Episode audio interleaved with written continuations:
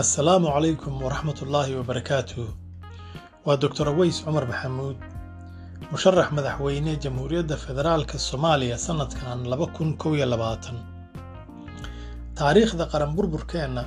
colaadaha iyo dagaalada sokeeye waxaa sabab u ahaay nidaam kalitalisa oo sharcigii iyo dowladnimadii ku tumanayay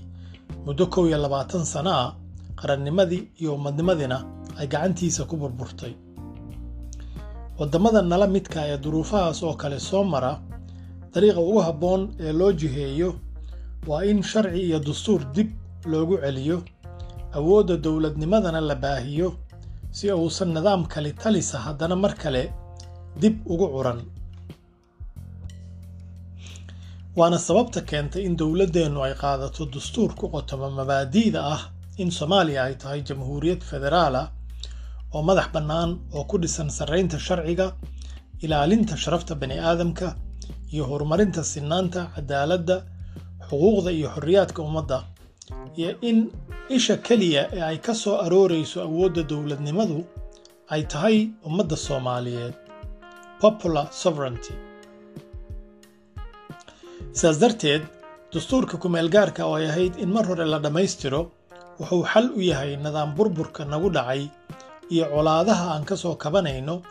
waana aasaaska aqoonsiga caalamiga ee jamhuuriyaddeennu ay maanta haysato. Ujeeddooyinka qarandhis ee dastuurka waxaa ka mid a kow in la daaweeyo oo la boogadhayo colaadihii dagaaladii sokeeye iyo burburkii ummadeed een ka dhaxalnay lana dhiso bulsho ku dhisan qayimka dimuqraadiga cadaaladda ijtimaaciga iyo xuquuqda asaasiga ee bani aadamka labo in la hagaajiyo ama la horumariyo tayada nololeed ee muwaadiniinta soomaaliyeed oo dhan. Saddex in dhidibada loo aasaaso ummad soomaaliyeed oo ku dhisan dimuqraadiyad isafgarad iyo heshiis sarraynta sharciga iyo iraadada shacabka. Muwaadiniinta soomaaliyeed oo dhanna ay si isku mida sharcigu u xisaabiyo una difaaco. Iyo afar in la helo dal soomaaliyeed oo midaysan oo asagoo qaran madax bannaana doorkiisa shariifka ka cayaara qoyska caalamiga ee ay ku bahoobeen waddamada xortaa ee dunida inteeda kale. Waa dastuurkaas dastuurka uu baabi'inayay afartii sano iyo washiigii la soo dhaafay madaxweyne farmaajo welina uu duulaanka ku yahay. Soomaalidu waxay tidhaahdaa mayd waxaa ugu dambeeyey kii la sii siday warqadda wiiftada ee ugu dambaysay ee mudane farmaajo soo tuuray si uu u majaxaabiyo dadaallada ra'iisul wasaare rooble u galay inuu xal u helo waxna ka qabto intii karaankiisa caqabadaha taagan ee gudaha guda iyo dibadba leh ee farmaajo abuuray ayaa ka marakacaya duulaanka aan gabashada lahayn ee uu hadya goor ku haayo sharciga iyo nidaamka dowladdhiska ummadda soomaaliyeed sida lagu yaqaan nidaamyada kalitaliska. Kii horay noo soo marayna aan ku aragnay ujeeddada nidaamka kalitaliska ee mudane farmaajo u tafaxaytay inuu ka abuuro dalka soomaaliya waa inay gacantiisa keliya ku soo dhammaadaan wax alla iyo wixii awood dowladeed iyo agab nololeed dalku leeyahay.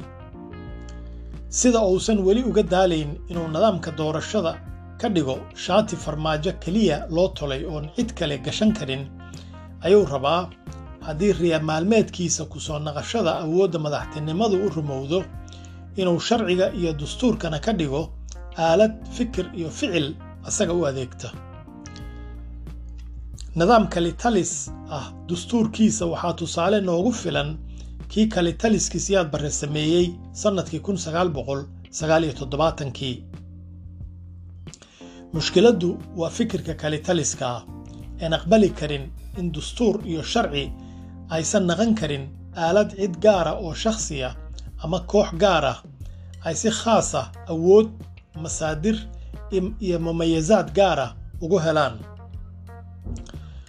Dastuurka kumeelgaarka ee jamhuuriyadda federaalka soomaaliya fikirka lagu aasaasay waa in awoodda dowladnimo iyo agabka nololeedba lagu baahiyo ummadda ku nool dalka soomaaliya iyo gobolladiisa oo dhan maamulka iyo sharcigana la deegaameeyo si amni xasilooni iyo nabadgelyo looga abuuro. Deegaan kasta oo dalka ka mid ah awoodda dowladnimo ee qarankuna ay dalka oo dhan iyo xuduudadiisa u gaarto. Halista ka imaanaysa cadowga gudaha iyo faldembiyeedyada culculus ee ummaddeenna ka gelaayo lagama adkaan kari doono horumar dhaqaale oo la gaaro nolosha bulshada soomaaliyeed oo sare loo qaado iyo in ummadnimada la xoojiyo ayaga iska baddaa haddii aysan si dhaba oo fikir iyo ficil ah isula jaan qaadin labada heer dowladeed ee dastuurkeennu qeexay dowladda dhexe iyo dowladaha xubnaha ka ah. Qaybta saddexaad ee ujeeddooyinka nidaamka dowlad dhiska dalkeenna colaadaha ka soo kabanaya ka dhigayso codtabintayda siddeedaad. Mahadsanidin